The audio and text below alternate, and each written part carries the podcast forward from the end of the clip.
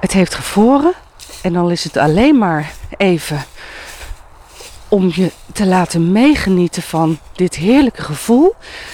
Laat ik je even horen hoe het klinkt als ik door het gras loop, het hele hoge gras. Het gras is eigenlijk veel te lang, maar goed, ehm, daar gaat het nu niet over.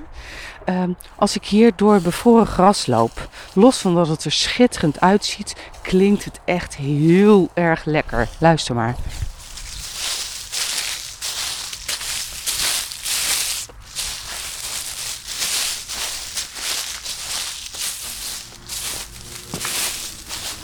Lekker hè? en zo lekker als het klinkt, zo voelt het ook. Oh, lijkt een soort dikke, dikke deken. Waar je zo langzaam in wegzakt en dat knispert dan onder je voeten. Oh, het is echt zalig. ik ben alleen maar rondjes aan het lopen omdat het zo zalig voelt. Nog even een klein stukje terug. ik wilde eigenlijk net naar binnen gaan. Oh, maar dit is zo lekker. Oh, lekker. Nog één keer luisteren.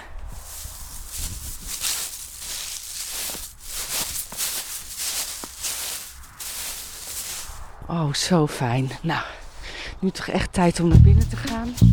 Nu hebben we in ieder geval even mee kunnen luisteren van hoe lekker het voelt. Ja, dat, zou dat zo zijn dat als het lekker klinkt, dat het dan ook lekker voelt? Nou, in dit geval is het in ieder geval zo.